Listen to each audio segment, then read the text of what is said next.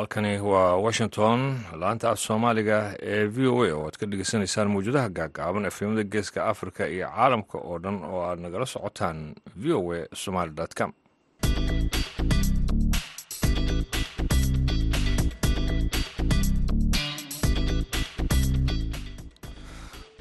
duhur wanaagsan dhegeystayaal dhammaantiinba waa jimco kow iyo tobanka bisha agost ee sanadka labada kun iyo saddex iyo labaatanka. Afrikada barina saacaddu haatan waxay tilmaamaysaa kowdii iyo barkii duhurnimo.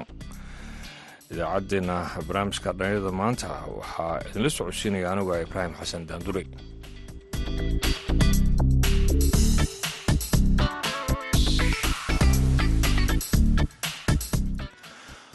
qodobada aad ku dhegeysan doontaan idaacadda duhurnimo ee dhallinyarada maanta waxaa ka mid ah barnaamijka sugaalka dhaqanka oo ku saabsan wareysi ka hadlaya kaalinta dhallinyarada ay ku leeyihiin dhaqanka soomaalida.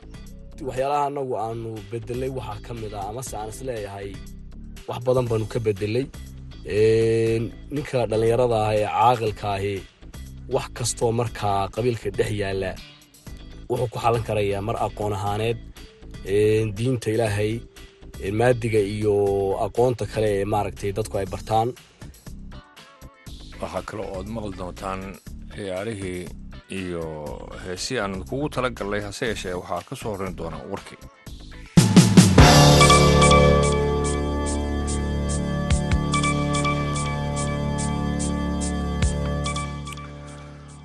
maraykanka ayaa ku dhawaaqay shalay in golaha ammaanka ee qaramada midoobay uu kulankiisii ugu horreeyey oo furan ka yeelan doono xaaladda xun ee xuquuqda aadanaha ee ka jirta kuuriyada waqooyi tan iyo labadii kun iyo toddoba iyo tobankii toddobaadka soo socda.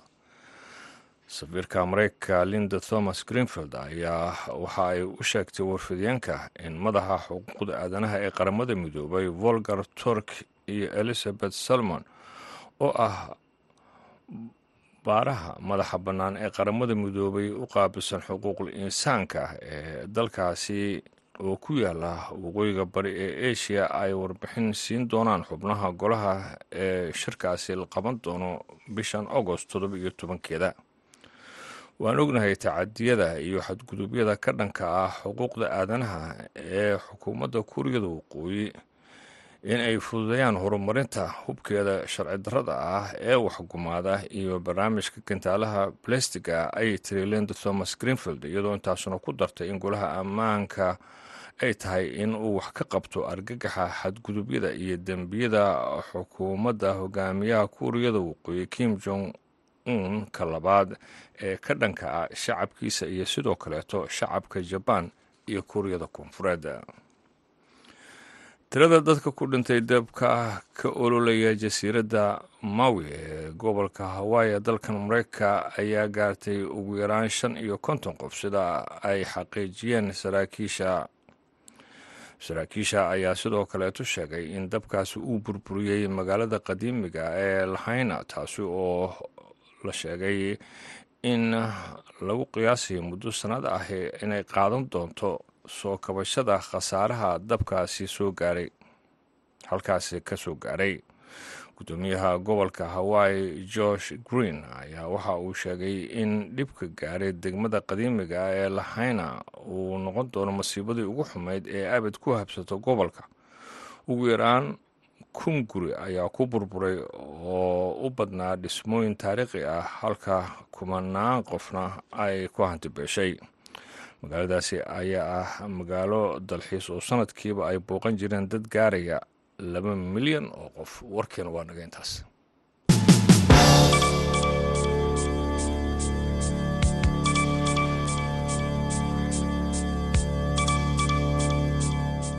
Haatana dhegeystayaal waxaad ku soo dhowaataan barnaamijka sooyaalka dhaqanka waxaana soo jeedinaya cabdikariim olol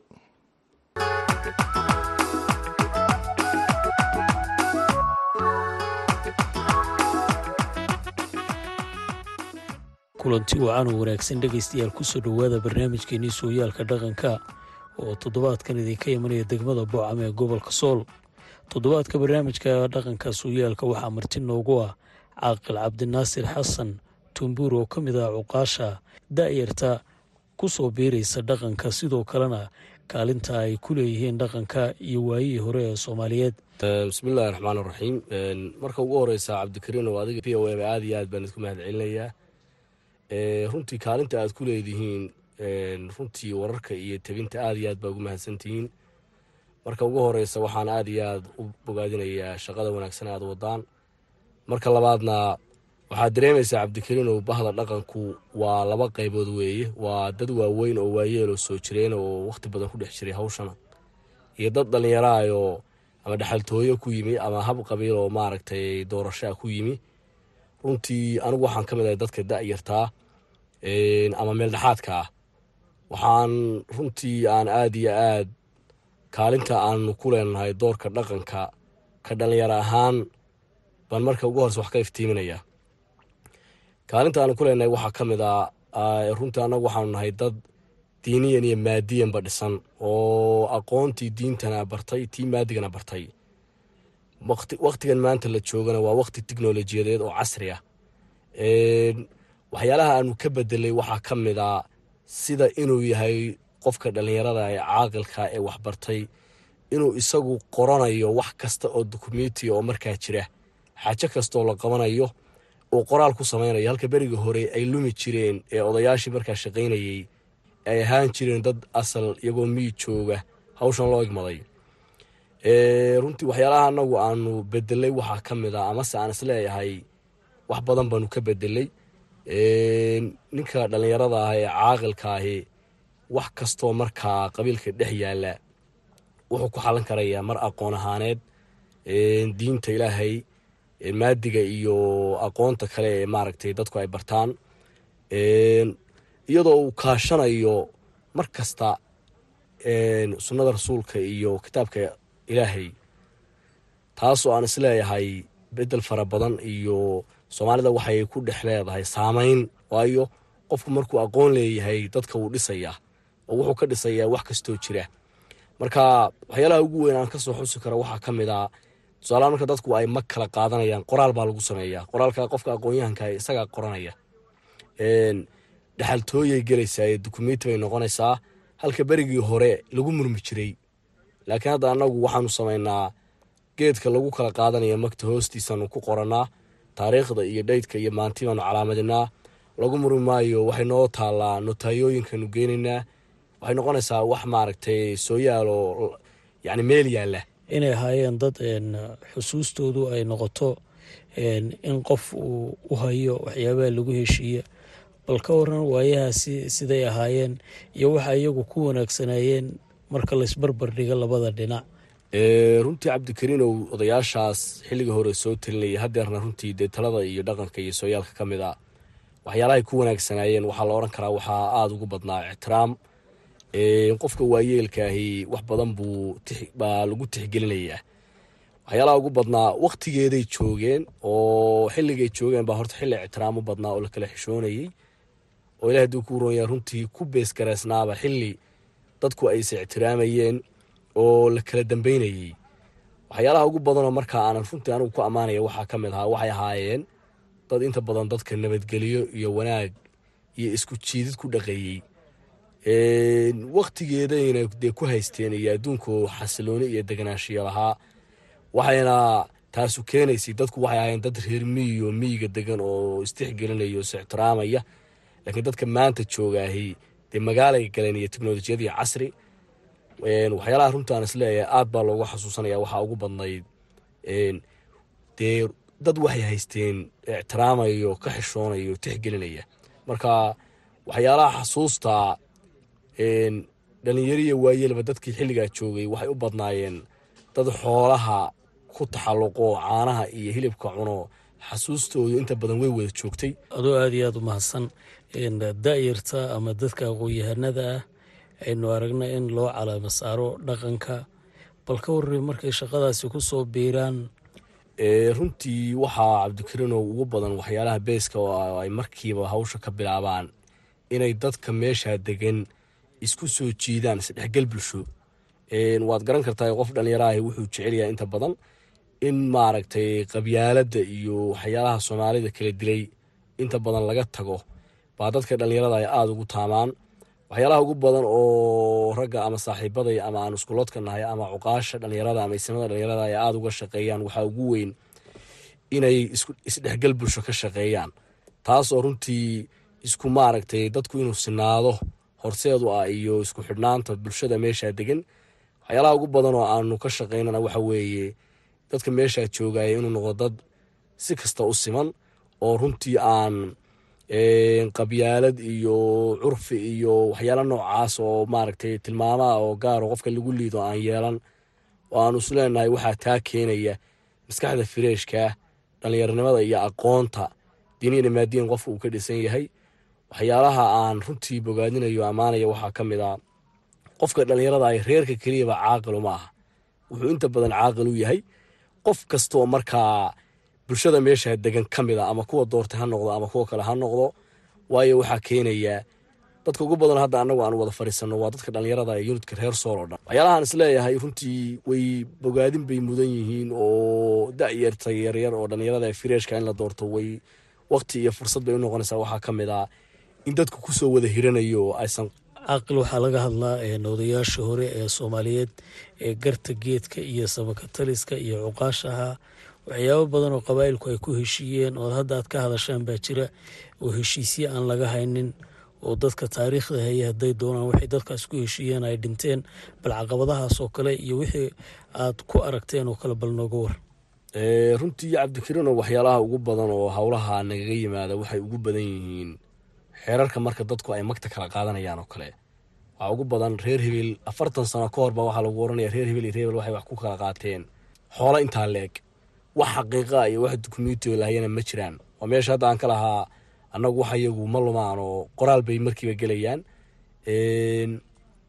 Waxaa runtii caqabadaha ugu badan ka yimaadaan xoolaha markaa magta lagu kala qaato oo ay soomaalidu yidhaahdaan inta badan u nisbeeyaan xeer baa laga dhigtaa waxyaalaha ugu badan ee murugta ugu badan ka timaado waxaanuse markaa ku xalinaa oo aanu ku soo afjarnaa ragga markaa joogahay inay kaga heshiiyaan waddo dadkaasu ay wada mari karaan oo loo sinaan karo oo aan cidna ku ahaanayn ragaad iyo maaragtay dheeli oo inta badan aanu ku nisbayno ku soo ku soo kufinno kitaabka ilaahay inta ugu badan. Oo aanu isleenahay meel lagu cararo isaga ayaa ugu wanaagsan sidii de ilaahay inoo jireeyey waxaanu wixii aanu xal u weyno inta ugu badan aanu ku wareejinaa culimaa udiinka waddanka joogta.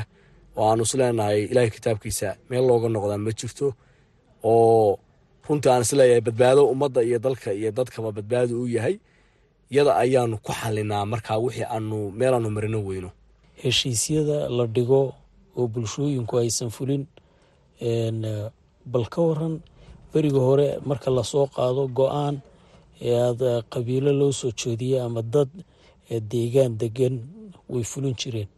Bal ka waran hadda waxaa la arkaa in iyadoo dadka la dhaariyey heshiisii la wada galay haddana ay jabayso bal labadaa waqti adoo isbarbar dhigay waayaha hore iyo hadda waxyaabaha isbedelay nooga war. Cabdikariinow runtii waa run oo dadkii hore waxay ahaayeen dad axad iyo qowl leh. Waxaana keenayey dadkii markaa joogay waxay ahaayeen dee maalinba maalinta ka dambeysa adduunku waa sii qarimayayoo sabanka iyo wakhtigaa sii adkaanaya. Runtii waxyaalaha isbeddelka keenay waxaan is leeyahay waxaa ka mid ah akhursabaanka iyo adeyga iyo colaadaha iyo dhiigga oo dadku ay runtii xalaashanayaan maalinba maalinta ka dambeysa. Waxaan is leeyahay dhiiggan faraha badan ee la daadinayo oo ama ha lagu daadiyo hab qabaa'il ama ha lagu daadiyo hab siyaasi oo dad maaragtay arrimo maaragtay dana gaara leh ha sameeyeen. Runtii arrintaa waxaa sababaya oo in axdigii iyo qowlku xirmi waaye waxaa keenaya wakhtiga iyo zamanka ayaa wakhtiga ka adag. Xilliga maanta lagu jirana waa xilli haddee adduunkuba iska yahay adduun maaragtay adag oo gebagabaa waxaanse is leeyahay wax kasta oo dadkii hore runtii de waad dareemaysaa waxay ahaayeen dad fulinta qowlka markaa lagu heshiiyo aan daba marayn oo dee ku bees garanaya kitaabka ilaah iyo diinta oo aan dabamarta ku yeelanayn bal waxaad iga warantaa markuu ninku nin aqoon-yahana yahay oo dhalinyaro yahay oo caaqilnimada la rabo in loo caleemo saaro sideebaa loogu gartaa ninkaasi reer magaalka ah ee hore miiga aan u tegin ama jaamacada soo dhameeyey ama ganacsadaha ama shaqooyin kale ka shaqeynaya oo loo dhiiba arrinta dhaqanka oo kale? Cabdikariinow runtii dee wadooyin badan baa jiro. Qofna wuxuu ku yimaadaa maaragtay dhaqanka wuxuu ku yimaadaa sandano dhexaltooyo oo soo taxan. Qofna wuxuu ku yimaadaa garasho markaa isaga loo gartay. Qofna wuxuu ku yimaadaa mid isagu raadiyey. Waxaa ugu badan inta badan sandano soo jireen oo dhexaltooyayo hadday tahay coqaal iyo hadday tahay isimba awoowe iyo aabbe iyo qof uu ka tirsado. Midna waa mid qofka marka reerka uu tashado lagu muunadeeyey oo maalinta loo gartay inuu isagu qaban karo isaga la saaray qofna waa qof isagu markaa is yidhahda maanta cidi mudno isagu wax raadiya. Saddexda marxaladoodba weylada laakiin dadka dhallinyarada ee aqoon-yahanka ee haddeer inta badan wakhtigan aada loo dooranayo waxa ugu badan ee loogu dooranaya waxa weeye dadkaasu inay noqdaan qofka dadka la horgeynaya inuu noqdo qof diin iyo maadiba dadka ku hogaamin kara. Oo runta aan is leeyahay waxyaalaha haddeer lagu dooranayo waxaa ugu mudan inuu qofku yahay qof yacni dhisan oo maadiya diiniba ka dhisan. Dhegeystayaal waxaan weli ku jiraa barnaamijkeenii sooyaalka dhaqanka oo toddobaadkan idinka imanaya magaalada boocame ee xarunta gobolka sool. Caqabadaha ka hor yimaada markuu qofku ku cusub yahay xilka caaqilnimada ama nabadoonnimada maxay tahay waxaa ugu badan runtii inuu qofku caqabadaha ugu badan oo markiiba qofku la kulmo waxaa ka mid a iyadoo qofku cusub yahay haddii uu xaajooyin la kulmo cusub inta badan qofka aan maaragtay dee culayskeeda miisaankeeda lahayn waxaa ugu badan oo ku yimaada waxa weeye amar diidooyinka dadka markaa uu ku dhex jiro. Bulshada tusaale ahaan waxyaalaha ugu badan oo aysan maaragtay ka hor imaanayo caqabadaha waxaa ugu badan qaaraandiidka waxaa ka mid a dadku intay ballan ku heshiiyaan oo ay agriiman galaan oo yidhaahdaan ballantaa iyo hawshaasu waynu waa inoo sidaa inaysan fulin. Waxyaalaha ugu badan oo runtii caqabadaha waxa weeye ballantaa markaa lagu heshiiyo oo aan fulin iyo qaaraandiid. Dadka markaa waxyaalaha markaa bulshada laga dhex uruurinayo ka hor yimaada. Bal hababka dhaqanka ee dhalinyarada ama aqoon-yahanada ee cuqaasha ku soo biiraya xalinta khilaafaadka ee heerarka casriga loo barto iyo tii hore iyagoo isku dabaqaya maxay ka qaban karayaan bay kula tahay runtii cabdikariino waxaan is leeyahay wax badan bay ka qaban karayaan. Fursado badan baa uga bannaan. Waxyaalaha aan is leeyahay way ugu weyntahay inay wax ka qaban karaan. Waxa weeye inay dadku in loo siman yahay daaqa ee aan la kala yeelan.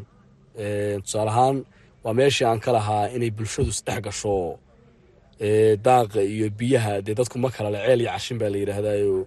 Ceelka waa laga wada cabaayo waa laga wada fulaayo waa la wada yimaadaayo cashinta oo kale waa daaqo dee qofku waxyaalaha ugu badan oo laga qaban karo khilaafkooda waxaa ka mid a inaan la kala sheegan. Ceelkao kale aan qof sheegan waxyaalaha lagu xaliya waxaa ka mid a inuu yahay ceelku wax ummadda u dhexeeya oo mahwiya dadkao dhan ay suman yihiin. Daaquna waa saas oo kaleoo waa inaan dooxooyinka dadku aan qof gaara sheegan. Xalka ugu weyn oo aanu isleenahay waa lagu maaragtay wada liibaanaya waxa weeye inaan dooxada qof sheegan ama in ka mid a aan qof xiran ama ceelka aan qof sheegan oo dhan anaa iskale sida weyn markastaad u xalisaan dadka u sheegtaan oo tusaalooyin ugu soo qaadataan adduunyada sidan looga noolyahay horumarka la sameeyo isku tiirsanaanta bulshada bal ka war. Cabdikariinow runtii waxyaalaha ugu badan oo markaanu bulshada la hadlayno waxaa ugu badan horta inay dadkaasu helaan nabadgelyo iyo amni ay ku wada deganaadaan. Qodobka labaad oo aanu inta badan bulshada ku wacyigelinno waxa weeye in dadku runtii ay wada u sinaadaan inay wada noolaadaan oo wanaag ku wada noolaadaan. Oo deganaanshiyahooda iyo runtii meeshaa la wada joogo in dabci iyo dul iyo dun lagu wada joogo aan maaragtay wax dhibaataa ka dhicin. Qorshayaasha ugu badan oo aanu dadka ku dhiirigelino waxaa ka mid a miy iyo magaalada meesha la joogaba inay dadku waxbartaan oo ummadda laga dhiso aqoonta oo dadka miyiga jooga laftigoodu loo qabto macalimiin diiniya maadiba ka dhisa. Waan is leeyahay raggii hore waxay kaga bedelan yihiin raggani in maaragtay la helo bulsho waxbaratay oo iftiimaysa ama miyi ha joogeen ama magaalo ha joogeen. Oo runta aan is leeyahay taa wax fiican baa laga gaarayo dadku haddana magaalo iyo miyi meeshay joogaanba waxay u badan yihiin dad waxna qora waxna akhriya loo sameeyo sida ay horumarka u samayn lahaayeen oo kale ama aada ugu soo jeedisaan dhanka idinkoo wacyigelinta casriga isticmaalay cabdikariinow runtii waxyaalahaas waxaanu inta badan ku xalinaa in wakhti iyo jadwal loo sameeyo. Oo tusaale ahaan heshiis marka la fulinayo arrin lagu heshiiyey waxaanu u yeelnaa wakhti iyo maaragtay muddo laysla garanayo waxyaalaha ugu badan oo aanu ku xalinana waxa weeye inaana ka qoob qaadin oo aanu culays iyo maaragtay waxay soomaalidu ku mahmaadaa. Intii uurku buki lahaa cagtu ha bugto waanu soconnaa oo ilahay duu kuu ron yaayey waxaanu samaynaa tusaale ahaan marka arrin lagu heshiiyo arrintaa muddo laga yeesho muddada kagama harnee waxaanu samaynaa culays baanu dulgeynaaye waxaanu annagoo ka duulayna in xaajadaasu wakhtigii lagu heshiiyey ku dhammaato marka waxyaalaha ugu badanoo aanu ku xalino waxa weeye inaan loo kala tegin ee arrintaasu culays la duldhigo waxyaabaha aad u soo jeedinayso talooyinka ninka dhaqanka ku cusub markaas loo dhiibay odayaasha waaweyn oo la shaqaynayo waxaad is leedahay guud ahaan aqoon-yahanka soomaaliyeed ee doonaya inay xaajo iyo gar ay ku soo biiraan ama ay ehelkooda bedelaan ama ay waalidka bedelaan bal ka war. Runtii cabdikariinow waxaan jecelahay marka ugu horeysa soo jeedin hadday tahay inaan ugu horeysiiyo sidii ilaahay inoo dardaarmayo rasuulkiisa soo banaa caleyhi salaatu wasalaam qof kasta oo shaqaynaya oo muslin ah inuu ilaahay kitaabkiisa iyo sunnada nebiga kaashado caleyhi salaatu wasalaam taasoo aan is leeyahay waxaa ku dhammaystiran guul adduun iyo mid aakhiro. Oo aan is leeyahay runtii qofku uma baahnaa inuu wax kale raadiyo. Waxaan aada iyo aada ugula talinayaa dadka dhaqanka ama ha yaraadeen ama ha weynaadeen inay kitaabka ilaahay iyo sunnada rasuulka salawaatu rabbi wasalaamu caleyhi aysan ka qoob qaadin. Nin garboodka iyo guurtida iyo waxgaradka ee qabaa'ilka ku dhex jira wax kastoo ay runtiis leeyihiin wuu adeg yahay inay kitaabka ilaahay iyo sunnada rasuulka ay kula eertaan. Ummadda intaa farleg dabeecaddoodii baa isaga saaran oo ka xun inuu la tacaamulo ka wanaagsan oo runtii uu mid walba u yeesho ushiisa ku kaxeeyo ee uusan dadka isku ul ku kaxayn marka waxaan leeyahay ninka xunna in dabci iyo lagu wado dun oo la jiido ninka wanaagsan isaga laftigiisa saa lagu wado. Waxaan leeyahay talada ugu dambeysa aan bixinayo arrimaha la wado insha allahu tacaala ha la yeesho dusheeda. Qofkii aan u dhalanahay runtii ha raadiyo inuu dabeecad wax ku hogaamiyo iyo dul waayo. Wakhti adag baa lagu jiraa. Taas baana wax lagu hogaamin karaa dhegeystayaal waxaa intaas inugu eeg barnaamijkeenii suuyaalka dhaqanka oo toddobaadkan idinka imanaya magaalada boocam ee xarunta gobolka sool. Toddobaadkan waxaa marti noogu ahaa caaqil cabdinaasir xasan tumbuur oo ka mid a cuqaasha aqoon-yahanada ee gobolka sool. Intaanu ku kulmi doonno barnaamijkaasi mid la mid ah. Dhammaantay waxaan idinkaga tegaynaa sidaasi nabadgelyo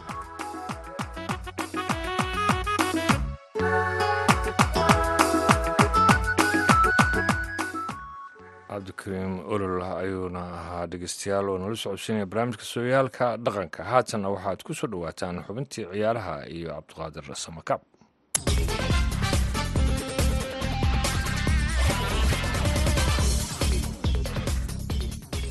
aan ku bilownay kooxda liverpool ee kubadda cagta ayaa heshiis la gaartay ciyaaryahan moses kasaydo oo qadka dhex uga ciyaara kooxda brighton liverpool ayaa xidigan kula heshiisay adduun lacageed oo gaaraya boqol iyo toban milyan oo pound taasoo ka dhigan rikoorka lacag koox ingiriis ah ay ciyaartoy uga iibsato gudaha dalka ingiriiska. Kasaydo oo u dhashay dalka ekwador ayaa ka mid ahaa xidigaha sida weyn loogu doonista badnaa xagaagan. Waxay liverpool ku garaacday kooxaha chelsea iyo bayer munik oo iyagana si weyn u doonayay kooxda chelsea ee kubadda cagta ayaa saddexdii bilood ee la soo dhaafay ku daba jirtay xidigan laakiin ugu dambeyn waxaa la heshiisay kooxda liverpool oo sidoo kale brighton horey uga iibsatay ciyaaryahankoodii qadka dhexe ee macalaster kooxda liverpool oo ay ka tegeen qaar ka mid a xidigaheeda ugu muhiimsan kuwaasoo ay ka mid yihiin fabinho henderson iyo miller ayaa waxay doonaysaa inay dib u xoojin ku samayso qadkeeda dhexe kooxda brighton ayaa kaseydo sannadkii kii gudaha ecuador kaga soo iibsatay lacag gaaraysa afar milyan iyo bar waxaana hadda ay ka faa'iidayaan in ka badan milyan oo pound. Kooxda westerham unitedna waxay heshiis la gaartay ciyaaryahan harry maguire oo difaaca uga ciyaara kooxda manchester united kaas oo waayo adag ku qaatay xilli ciyaareedkii la soo dhaafay garoonka old travord kabtankii hore ee kooxda manchester united oo bartilmaameed sahlan u noqday dadka ciyaaraha falanqeeya. Kadib markii qaladaad uu galay ayaana hadda ka mid noqonaya xidigaha kooxda westerham united. Tababare eric ten haaq ayaa u muuqday mid ka maarmay adeega maguire taas oo soo dadejisay in kooxda westerham united ay kula wareegto adduun lacageed oo gaaraya ilaa iyo soddon milyan oo pound kooxda westerham ayaa sidoo kale waxaay soddon milyan ku doonaysaa ciyaaryahan scott mactominay oo isnaqadka dhex uga ciyaara kooxda manchester united kaas oo ka mid a kuwa aan booska joogtada ah ka haysanin kooxda manchester united. Dalabka westerham ayaa waxaa iska diiday kooxda united dhinaca kale kooxda manchester city ayaa iyadana waxay si weyn u doonaysaa ciyaaryahan lucas bakata oo qadka dhex uga ciyaara kooxda westerham united.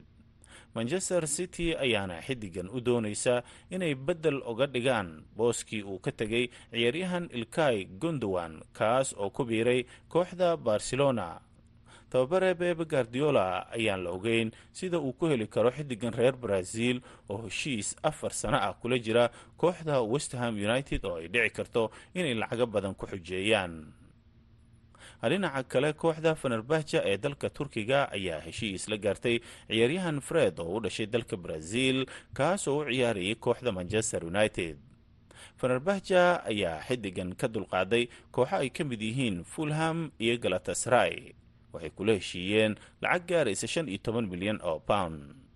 Fareed oo ka mid ahaa xidigaha united ayaa u muuqda mid adeegiisa uu ka maarmay tababare eric ten haag wararkeennii cayaarahana waa naga intaa.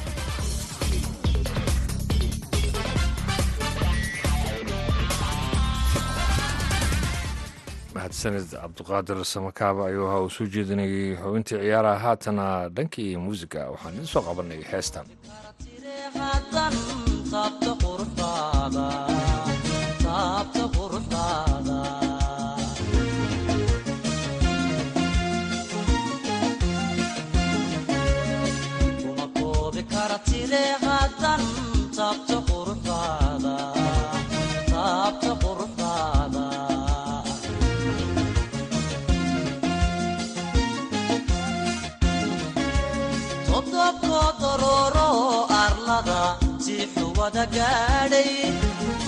geedugu taraare nimcadu tog weliba buxdo tafiirtiisu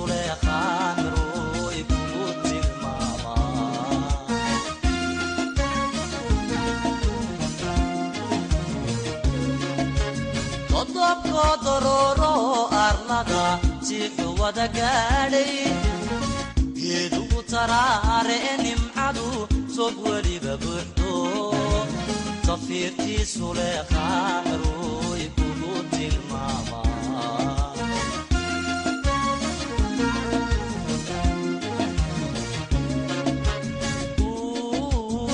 taabagelaya kalgacal diriyaaye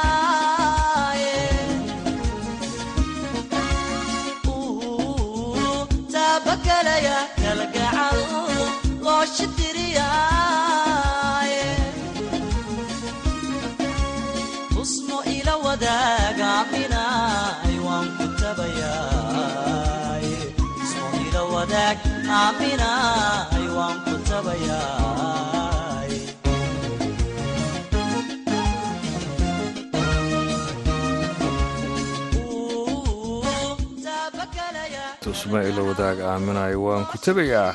Heestaasi tusba cawaale aadan ayaa qaaday waxaana ugu dambeysay idaacaddeenii duhurnimo ee barnaamijka dhallinyarada ee maanta waa ibraahim xasan daanduray oo dalla nabadgelyo